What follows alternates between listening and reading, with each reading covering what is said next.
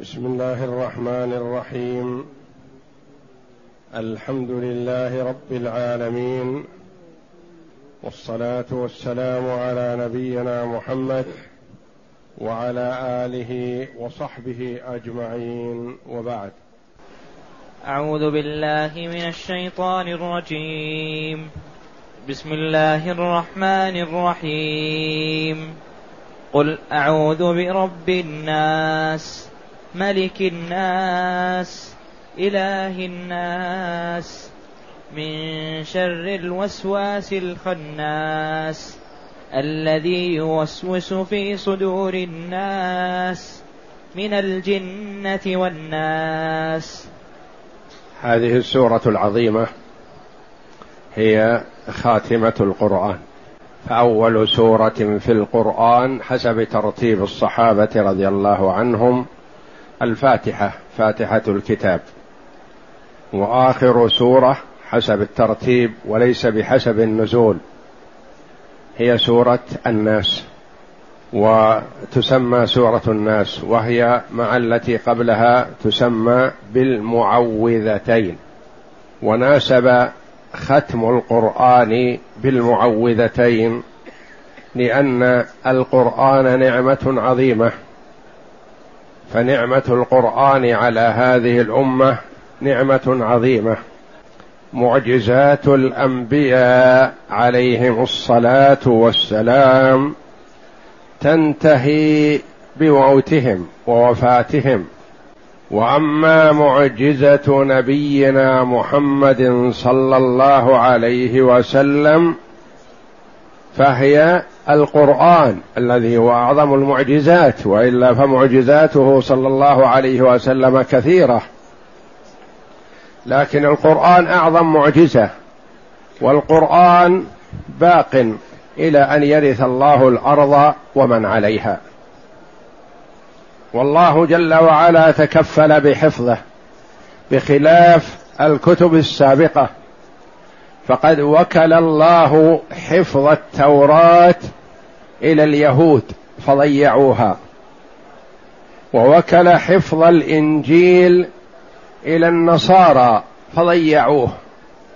وتكفل جل وعلا بحفظ القرآن. إنا نحن نزلنا الذكر وإنا له لحافظون. فهو ولله الحمد يتلى بين أيدينا غضا طريا كما نزل على محمد صلى الله عليه وسلم. فلله الحمد والشكر والمنة. تبارك وتعالى حفظه من الزيادة والنقص مع ما قام به علماء هذه الأمة رحمة الله عليهم. فقد قام الكثير منهم بوظائف نبي أنبياء بني إسرائيل. فالأمم السابقة غالبا ما يموت نبي إلا وقد خلفه نبي. وقد ختم الله الأنبياء بمحمد صلى الله عليه وسلم فلا نبي بعده. لكن الله حفظ لهذه الأمة دينها وقرآنها بخلفاء النبي صلى الله عليه وسلم وهم العلماء. فالأنبياء لم يورثوا دينارا ولا درهما وإنما ورثوا العلم. وقد قيض الله لهذه الأمة من يحفظ لها دينها من علمائها رحمة الله عليهم. فالقرآن والحمد لله بين أيدينا كما نزل على محمد صلى الله عليه وسلم. وكلما حاول ظالم معتد في أن يزيد أو ينقص أو يحرف قيض الله له من علماء هذه الأمة وولاة أمرها من ينتقم منه ويجعله عبرة للمعتبرين. فهذه السورة هي خاتمة القرآن. وهي من السور المدنية وقيل مكية لكن القول بأنها مدنية هي والفلق أرجح والله أعلم. يقول الله جل وعلا لعبده ورسوله محمد صلى الله عليه وسلم قل أي قل يا محمد أعوذ برب الناس أعوذ ألتجأ وأعتصم يعني أحتمي به من شر كل ذي شر. فلا يحمي من شرور الإنس والجن إلا الله سبحانه وتعالى. فإذا احتمى به المسلم حماه وإذا غفل وتساهل وضيع وفرط تسلطت عليه شياطين الإنس والجن. قل يا محمد قل أعوذ برب الناس.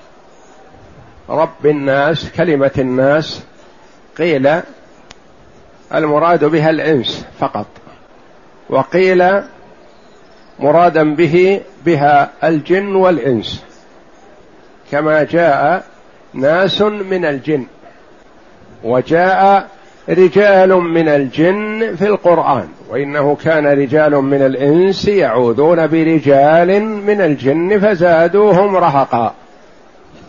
وجاء نفر من الجن. قل أوحي إلي أنه استمع نفر من الجن. فهم يقال لهم نفر ويقال لهم رجال. وورد في كلام العرب ناس من الجن. برب الناس. قد يقول قائل لما قال جل وعلا برب الناس وهو رب الخلق كلهم. رب الملائكة ورب الأنبياء ورب بني آدم كلهم ورب السماوات ورب الأراضين ورب البحار ورب النجوم ورب الكواكب كلها كل مخلوق فالله جل وعلا ربه. والناس جزء من هذه المخلوقات. أجاب بعض العلماء على هذا الإشكال فقال نعم لأن الناس يعظمون بعض الناس ويخافون منهم ويهابونهم ويجلونهم ويخضعون لهم فأخبرهم الله جل وعلا بأنه هو تعالى رب هؤلاء الذين ترهبونهم وتخافونهم. فما ينبغي أن تخافوهم والله ربهم ولا تخافونه. قال برب الناس لأنه هو الرب المالك المتصرف المربي لخلقه بالنعم جل وعلا. قل أعوذ برب الناس ملك الناس. إله الناس. ثلاث صفات للباري جل وعلا متوالية. رب الناس ملك الناس إله الناس. رب ربه يعني قد يقال ربه مالكه لكن ليس له التصرف الكامل فيه. يقول الرقيق هذا ربي.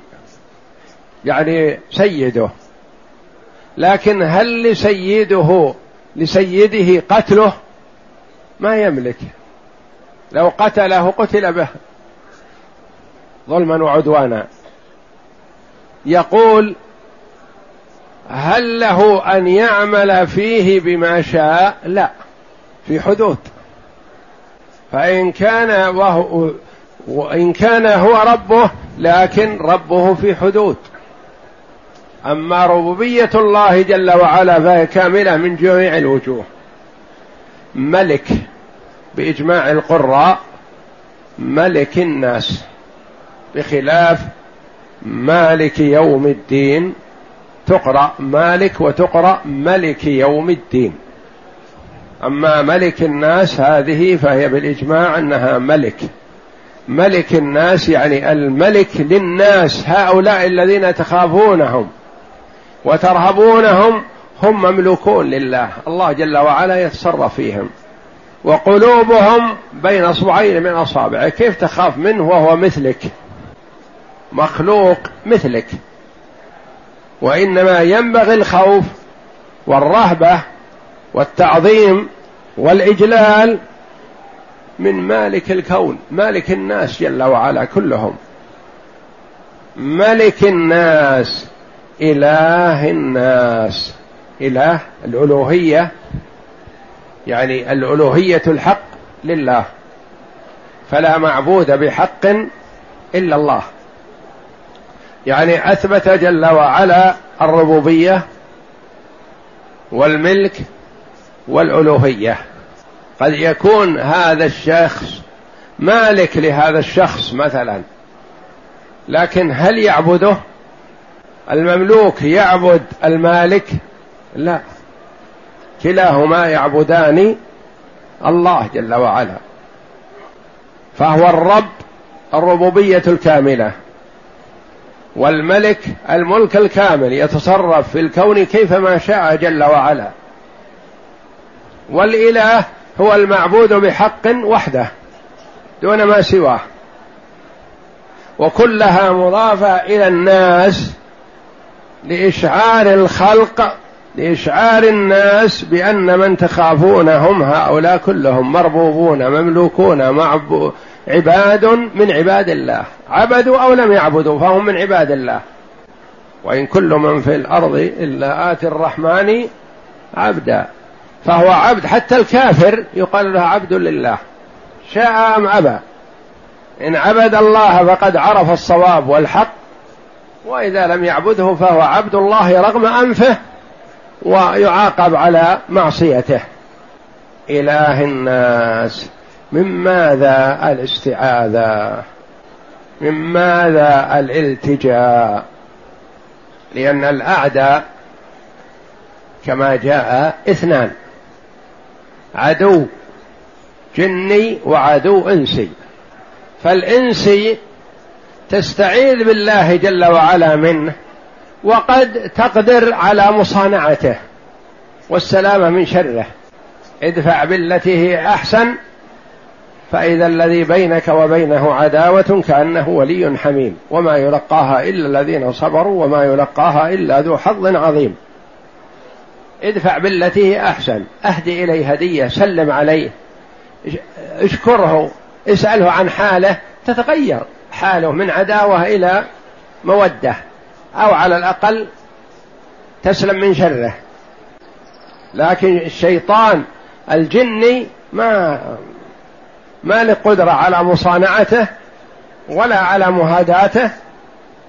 يريد منك الكفر فقط ويخدمك. ما لم تكفر لا يخدمك.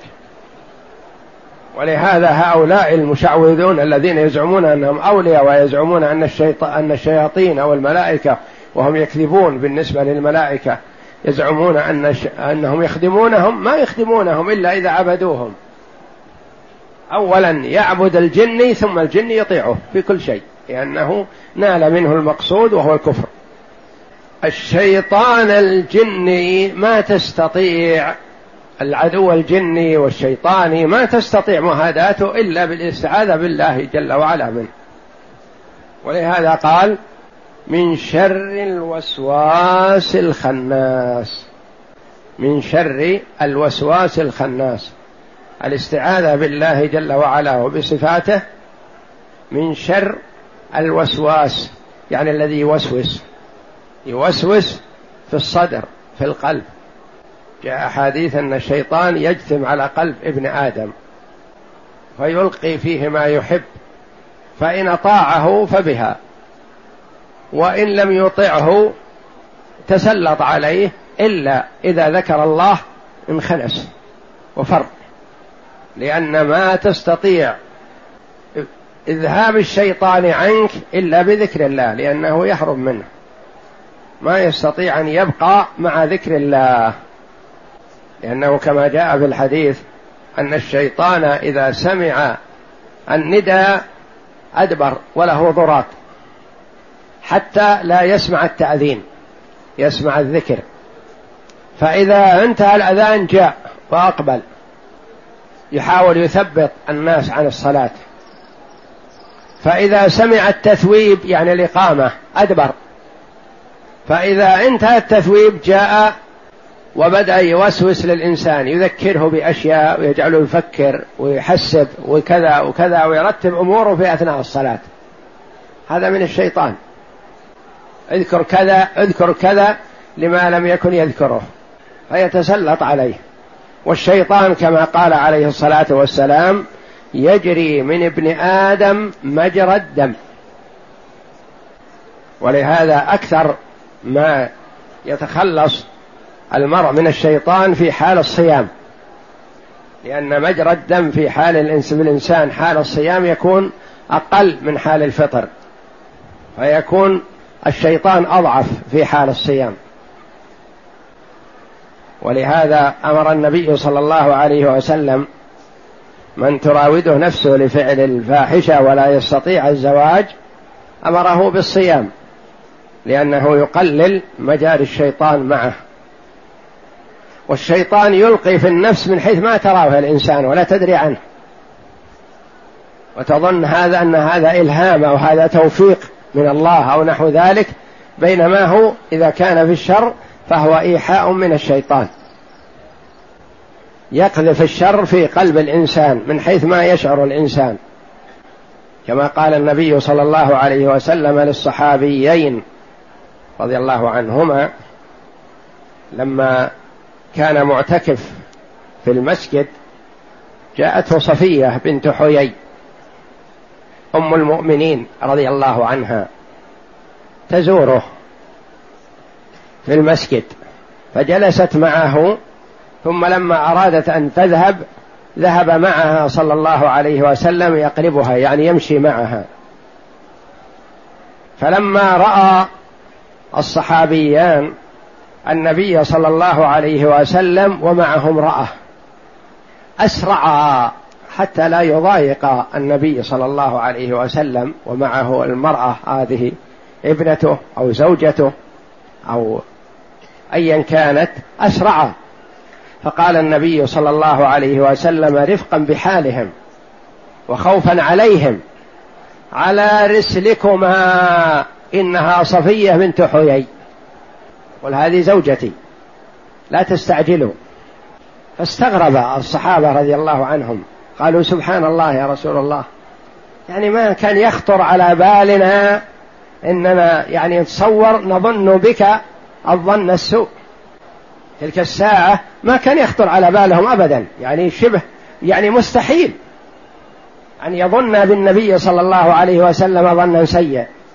فقال عليه الصلاة والسلام إن الشيطان يجري من ابن آدم مجرى الدم وإني خشيت أن يقذف في قلوبكما شرا وفي رواية سوءا. يقول الآن نعم ما يخطر على بالكم هذا لكن أخشى بعد يوم بعد أسبوع بعد سنة بعد سنتين يأتيكم الشيطان يقول من المراه اللي مع النبي؟ المرأة تذهب للنبي في الليل. يمشي معها. ثم يهلكان هم إذا ظن بالنبي صلى الله عليه وسلم ظن سيء هلك. فالنبي صلى الله عليه وسلم شفقة عليهما من الشيطان يهلكهم. قال على رسلكما إنها صفية بنت حيي. قال سبحان الله يا رسول الله. قال إن الشيطان يجري من ابن آدم مجرى الدم. وإني خشيت أن يقذف في قلوبكما شرا أو وفي رواية سوءا. يعني لو ما هو الآن بعد فترة يأتي الشيطان يقول للرجل من هي المرأة اللي مع النبي؟ فإذا ظن بالنبي صلى الله عليه وسلم ظنا سيء هلك هو وإلا فالنبي عليه الصلاة والسلام معصوم. فالشيطان جعل الله جل وعلا له سلطة على القلب يصل ويلقي في القلب. لكنه خناس يبرز ثم يختفي بسرعة. ما الذي يخفيه ويطرده؟ ذكر الله. هذه الناحية التي غفل عنها كثير من الناس. فتسلطت الوساوس والشكوك على قلوبهم. يعني زيادة الوساوس والشكوك هذه الأيام الأخيرة والسنوات الأخيرة مع توفر النعم لدى الناس والخيرات. كل هذا بتسلط الشيطان وإغفال ما وجه النبي صلى الله عليه وسلم إليه. وما أمر الله جل وعلا به في كتابه لرسوله صلى الله عليه وسلم ولأمته تبع. كثير من الناس قليل التعوذ بالله والإتيان بالأوراد المطلوبة وقراءة آية الكرسي عند النوم وأدبار الصلوات وفي أول النهار وفي أول الليل لانها حصن حصين. وإن قرأ فالكثير منا يقرأ وهو غافل. شيء بلسانه فقط ما يقارن القلب اللسان. إذا قال مثلا الله لا إله إلا هو الحي القيوم لا تأخذه سنة ولا نوم ما يتأملها. الكثير منا ينطق بها بلسانه لكن ما يستحضر معنى ما يقول بقلبه. غافل. فكر في أشياء ثانية ونحو ذلك. وقد جاء في الحديث أن الله لا يستجيب الدعاء من قلب غافل. مثل اللي يقول رب اغفر لي وارحمني وهو غافل ما يدري إيش يقول. والشيطان اللعين نفسه لما مسكه أبو هريرة أرشد أبا هريرة إلى الحصن الذي يتحصن به منه ومن غيره. فقال إذا أويت إلى فراشك فاقرأ آية الكرسي فإنه لا يزال عليك من الله حافظ ولا يقربك شيطان حتى تصبح. وإذا أصبحت فخذ الحرز مرة أخرى وإذا أمسيت فخذ الحرز مرة أخرى. حرز. مثل صندوق محكم يقفل ويفتح. أقفله عليك حتى لا تقربك اللصوص. يرشد الله جل وعلا عباده إلى التحصن به.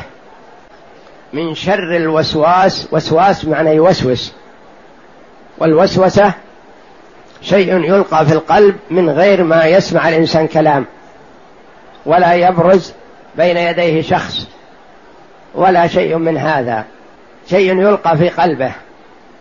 إن كان خير فهو من إلقاء الملك. وإن كان شر فهو من إلقاء الشيطان. والمؤمن قرينه من الملائكة قوي وقرينه من الشياطين ضعيف ولا له قرين لابد ما من أحد إلا وله قرين. قالوا ولا أنت يا رسول الله؟ قال ولا أنا إلا أن الله أعانني عليه فأسلم أو فأسلموا. روايتين. فأسلم يعني استسلم. وأسلم لله وصلى يأمر إلا بالخير. أو فأسلموا أعانني عليه فأسلموا من شره. ما يؤثر علي. وإلا كل واحد معه قرين قرين قد يكون ضعيف وقد يكون قوي. فقرين المؤمن ضعيف بسبب الذكر والاعتصام بالله.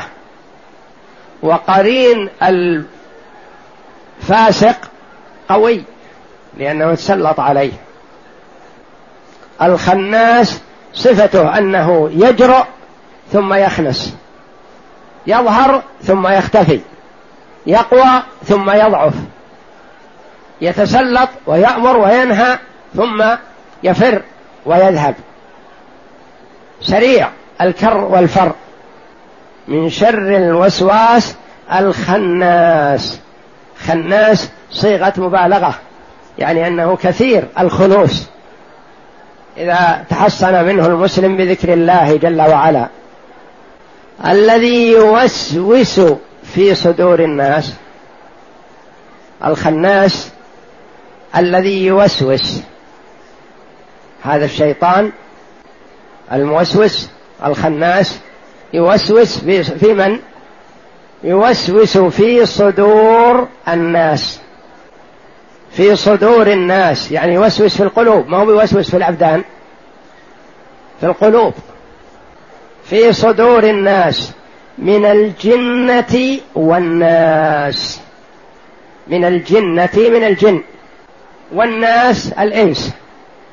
بني آدم.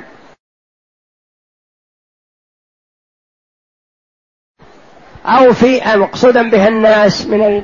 الذي يوسوس في صدور الناس. من المراد بالناس؟ الناس الجن والإنس. يعني يصلح أن يكون من الجنة والناس صفة للوسواس الخناس. الوسواس الخناس يكون من الجن ويكون من من الناس. ويصلح أن يكون من الجنة والناس صفة للذين يوسوس فيهم. الذين يتسلط عليهم الشيطان يتسلط على الجن ويتسلط على الناس. قولان للمفسرين ولا منافاة. يصح أن يكون كلاهما. يصح أن يكون الموسوس من الجنة ومن الناس. ويصح أن يكون الموسوس فيه والمتسلط عليه من الجنة والناس. لأن الشيطان الجني يتسلط على الشيطان على الجني وعلى الإنسي. أو أن الشيطان يكون جني وإنسي. فكلمة من الجنة والناس يصح أن يراد بها والله أعلم الموسوس. الموسوس من الجن والإنس. ويصح أن يكون المراد بها والله أعلم الموسوس عليه. الشيطان الجني يوسوس على الجن وعلى الناس. لأن الجن فيهم مؤمنون وفيهم كفار وفيهم فساق فيهم ما في مثل ما في المؤمنين. في منهم أخيار في منهم عباد لله صالحين. ومن الذين أمرنا أن نسلم عليهم في الصلاة السلام علينا وعلى عباد الله الصالحين. كل عبد صالح لله من الملائكة ومن الجن ومن الإنس. من أولهم إلى آخر. هؤلاء هم المكلفون بالعبادة. المكلفون بالعبادة الملائكة والجن والإنس. من الجنة والناس. قد يقول قائل وسوسة الجن معروفة يوسوس في القلب. لكن الإنس هل هو يوسوس؟ نقول نعم وما أكثره. يأتيك بل تسلط الإنسي على الإنسي قد يكون أكثر وأغر أكثر غرر من الشيطان. لأن الشيطان تعرف أنه عدو لكن يأتيك الإنسي باسم صداقة. وباسم نصيحة. لا تقحم نفسك في كذا. لا تكلف نفسك في كذا. تهم بالصدقة. يقول لك لا يا أخي أبق مالك لك ولأولادك. تهم بالطاعة. يقول لك يا أخي ارفق على نفسك. لا تشق على نفسك بالصيام والصلاة وكذا. ترفق. إن لنفسك عليك حقا وكذا وكذا. ويأتيك وإذا أراد منك الشر قال هذا في مصلحة وفي كذا وفي كذا ويعود للناس بالمصلحة و... وأنت تستفيد منه. يأتي للإنسان في مجال الربا يقول هذا ربح وهذا حلال. هذا مالك أن تصرف فيه كيفما شئت. وهكذا فهو يأتي الشيطان الإنسي للج... للإنسي بصفة الناصح فوضعه مثل وضع المنافقين بالنسبة للمؤمنين.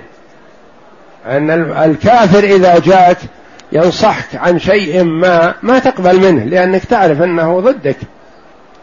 لكن المنافق يأتيك ينصحك في أمر من الأمور قد تقبل منه النصيحة لأنك تقول هذا مسلم هذا أخوي المسلم وهو يريد أن يغرك. فكذلك الشيطان الإنسي يأتي للإنسان ويثبطه عن الطاعة أو يقويه على المعصية باسم الناصح وباسم المرشد وباسم إنه يوجهك ترفق بنفسك ونحو ذلك. الذي يوسوس في صدور الناس وفهم أن الوسوسة يكون في الصدر يعني في القلب من الجنة والناس. هذه ثلاث صفات من صفات الرب عز وجل.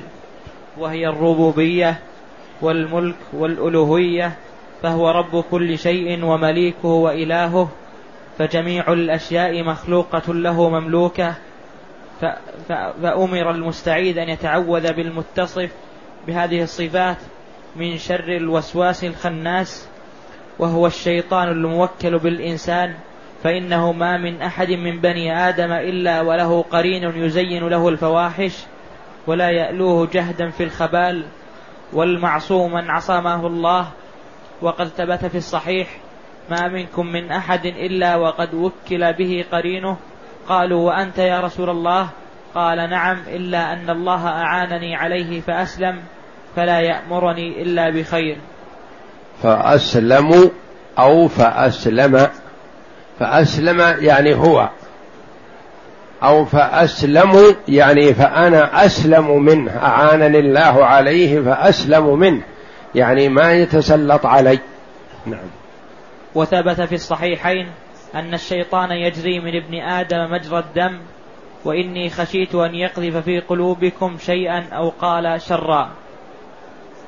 قال ابن عباس في قوله الوسواس الخناس. قال الشيطان جاثم على قلب ابن آدم فإذا سهى وغفل وسوس فإذا ذكر الله خنس.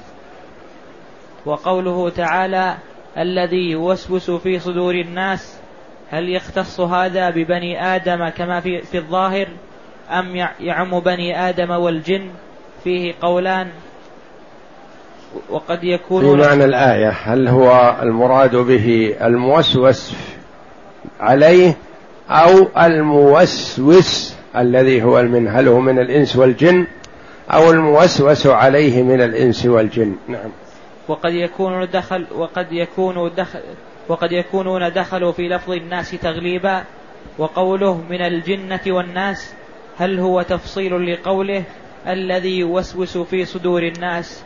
ثم بينهم فقال من الجنة والناس وهذا يقوي القول الثاني وقيل قوله من الجنة والناس تفسير للذي يوسوس في صدور الناس من شياطين الإنس والجن كما قال تعالى وكذلك جعلنا لكل نبي عدوا شياطين الإنس والجن يوحي بعضهم إلى بعض زخرف القول غرورا. يعني العداوة والشياطين تكون من الإنس ومن الجن. يقول هذا شيطان إنسي وهذا شيطان جني. فالذي يأمر بالشر وينهى عن الخير شيطان. أنس إنسي. والذي يتسنى له أن يتكلم بالحق ولا يتكلم فيه يسكت يسمى شيطان أخرس. واللي يتكلم بالباطل يقال شيطان ناطق. إذا تكلم بالباطل يكون شيطان ناطق والعياذ بالله. وإذا تك... سنح له أن يقول الحق ولم يقله وسكت يقال شيطان أخرس من الإنس. وعن ابن عباس رضي الله عنهما قال قيل يا رسول الله أي الأعمال أحب إلى الله تعالى؟ قال الحال المرتحل. من هو الحال المرتحل؟ قيل وما الحال المرتحل؟ قال الذي يضرب في أول القرآن إلى آخره كلما حل ارتحل. أخرجه الترمذي.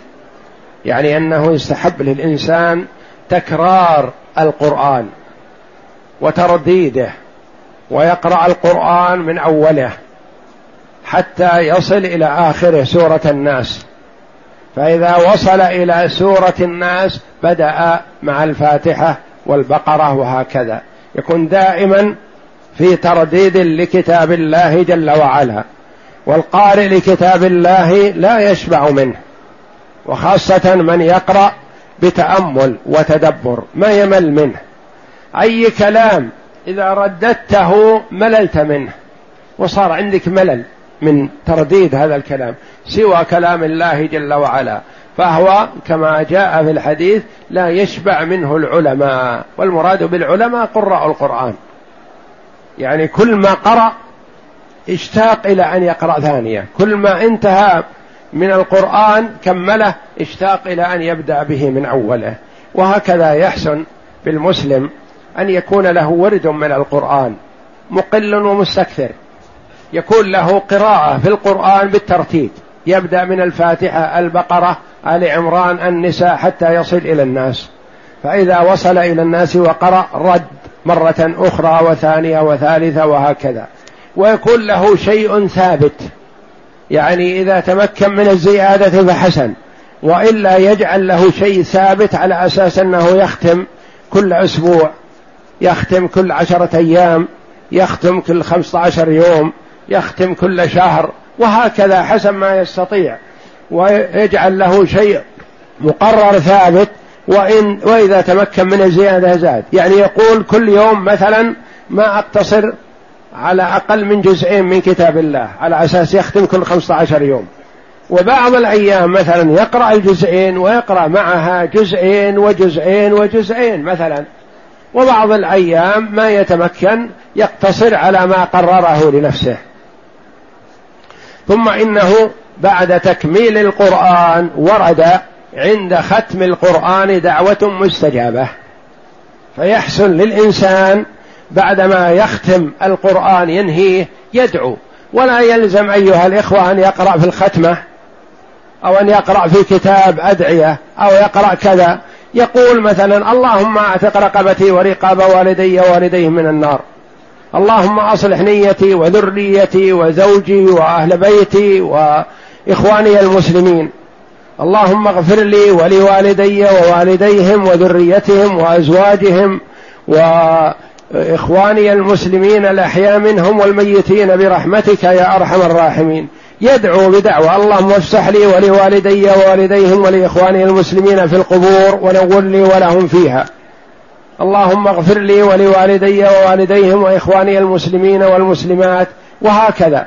يعني ما يلزم أن يأتي بالختمة اللي مكتوبة مثلا. يستحب له أن يدعو بما تيسر له. وإذا ختم القرآن في الصلاة فحسن. إذا ختمه في الصلاة ودعا في حال الركوع ودعا في حال السجود بإقبال على الله ورغبة فيما عنده وإيقان بالإجابة. انتبه أيها الأخ. يعني بعض الناس يدعو لكن يدعو وهو مستبعد الإجابة. يقول الله ما يستجيب لي. أنا مفرط أنا مقصر. صح كل واحد يمقت نفسه بأنه مقصر لكن يحسن الظن بربه. لأنه إذا توقع عدم الإجابة ما حصل له إجابة. وإذا أحسن الظن بربه استجيب له. والله جل وعلا ما يستعظم شيئا يعطيه عبده. ما تقول هذا كبير هذا كذا هذا ما يحصل لي. هذا للناس الكبار هذا لكذا هذا للزهاد هذا للعباد. ادعو ربك وأنت موقن بالإجابة. وأكثر من الدعاء ولا تحرم نفسك حضور قلبك عند الدعاء. إذا دعوت ربك عند بحضور قلب فأيقن بالإجابة. أحيانا ينشرح صدر العبد للدعاء. اعرف أخي إذا انشرح صدرك للإجابة أن الله جل وعلا فتح لك باب الإجابة. إذا انشرح صدرك وإياك إياك أن تدعو وأنت غافل أو ساهي أو تفكر في أمر من أمور الدنيا ونحو ذلك. إيه، ادعو الله بقلب حاضر. إنه لا يستجاب الدعاء من قلب غافل. والله جل وعلا يقول أنا عند ظن عبدي بي. إذا دعوت الله وأنت تظن من ربك الإجابة وتحسن بربك الظن فأبشر بالإجابة. وإذا دعوت وأنت شبه يائس من الإجابة فأعلم أنه لا يستجاب لك في هذه الحال والعياذ بالله. أنا عند ظن عبدي بي فإن ظن بي خيرا فله وإن ظن بي غير ذلك فله. إذا ظننت بربك عدم الإجابة أو عدم سماع كلامك فهذا من خسارة العبد والعياذ بالله. وإذا ظننت بربك الإجابة وأيقنت بأنه يستجيب لك فأبشر بالخير. ثم أعلم أخي أنك قد تدعو شيئا بشيء حاضر فلا يحصل لك. لا تيأس من الإجابة. الإجابة ما دامت بإخلاص منك فيثق بها لكن الإجابة أخي على ثلاثة أوجه كما قال النبي صلى الله عليه وسلم. احذر أن تسأل الله شيئا ما ثم ما يأتيك وتظن أنه ما استجيب لك لا. إذا دعوت الله وأنت حاضر القلب فثق بأن الإجابة ستحصل. والإجابة بينها النبي صلى الله عليه وسلم بأنها على ثلاثة أوجه. إما أن يعجل الله للعبد دعوته. أنت مثلا تسأل الله ولد يعطيك الولد. تسأل الله المال يعطيك الغنى. تسأل الله العافية يعطيك العافية. هذا يعجل الله لك دعوتك يعطيك دعوتك. وإما أن يدخر له في الدار الآخرة ما هو خير له مما دعا به. أن تسأل الله المال مثلا أو تسأل الله الولد والله جل وعلا يعلم أن المال ليس في مصلحتك وأن الولد ليس في مصلحتك. الولد يشغلك عن طاعة الله الولد يكون ضررا عليك. المال يشغلك عن طاعة الله. ما يعطيك جل وعلا. ما سألت وإنما يدخر لك في الدار الآخرة ما هو خير لك مما سألت. أو يدفع عنك من السوء ما هو خير لك مما دعوت به. يدفع عنك من السوء من شيء مثلا سوء قد يحصل عليك يدفعه الله جل وعلا عنك وأنت لا تدري خير لك مما سألت. لما بين النبي صلى الله عليه وسلم للصحابة أوجه الإجابة قالوا رضي الله عنهم اذا نكثر اذا نكثر ما دام إنه ما يضيع شيء عند الله. قال عليه الصلاة والسلام الله أكثر. كلما سألتم فالله أكثر يعطي الكثير. وكما جاء في الحديث القدسي يا عبادي لو أن أولكم وآخركم وإنسكم وجنكم قاموا في صعيد واحد. فسألوني فأعطيت كل إنسان مسألته. تصور واحد يسأل الدنيا بما فيها آخر يسأل مثل الدنيا عشر مرات. فأعطيت كل إنسان مسألته. ما نقص ذلك مما عندي إلا كما ينقص المخيط إذا أدخل البحر. كل إنسان من أول الدنيا إلى آخرها جن وإنس. سألوا فأعطاهم جل وعلا. ما نقص ذلك مما عند الله إلا كما ينقص المخيط إذا أدخل البحر. ذلك أن الله جل وعلا لا يعجزه شيء ولا يحتاج جل وعلا إلى تجميع مواد ولا إلى شيء ما وإنما أمره إذا أراد شيئا أن يقول له كن فيكون. اللهم أصلح نياتنا وذرياتنا وأزواجنا وأهل بيوتنا. اللهم أعنا على ذكرك وشك وشكرك وحسن عبادتك. ربنا آتنا في الدنيا حسنة وفي الآخرة حسنة وقنا عذاب النار. اللهم أصلح أحوال المسلمين. اللهم كف عنهم شر الأشرار وكيد الفجار. اللهم لا تسلط علينا بذنوبنا من لا يخافك ولا يرحمنا.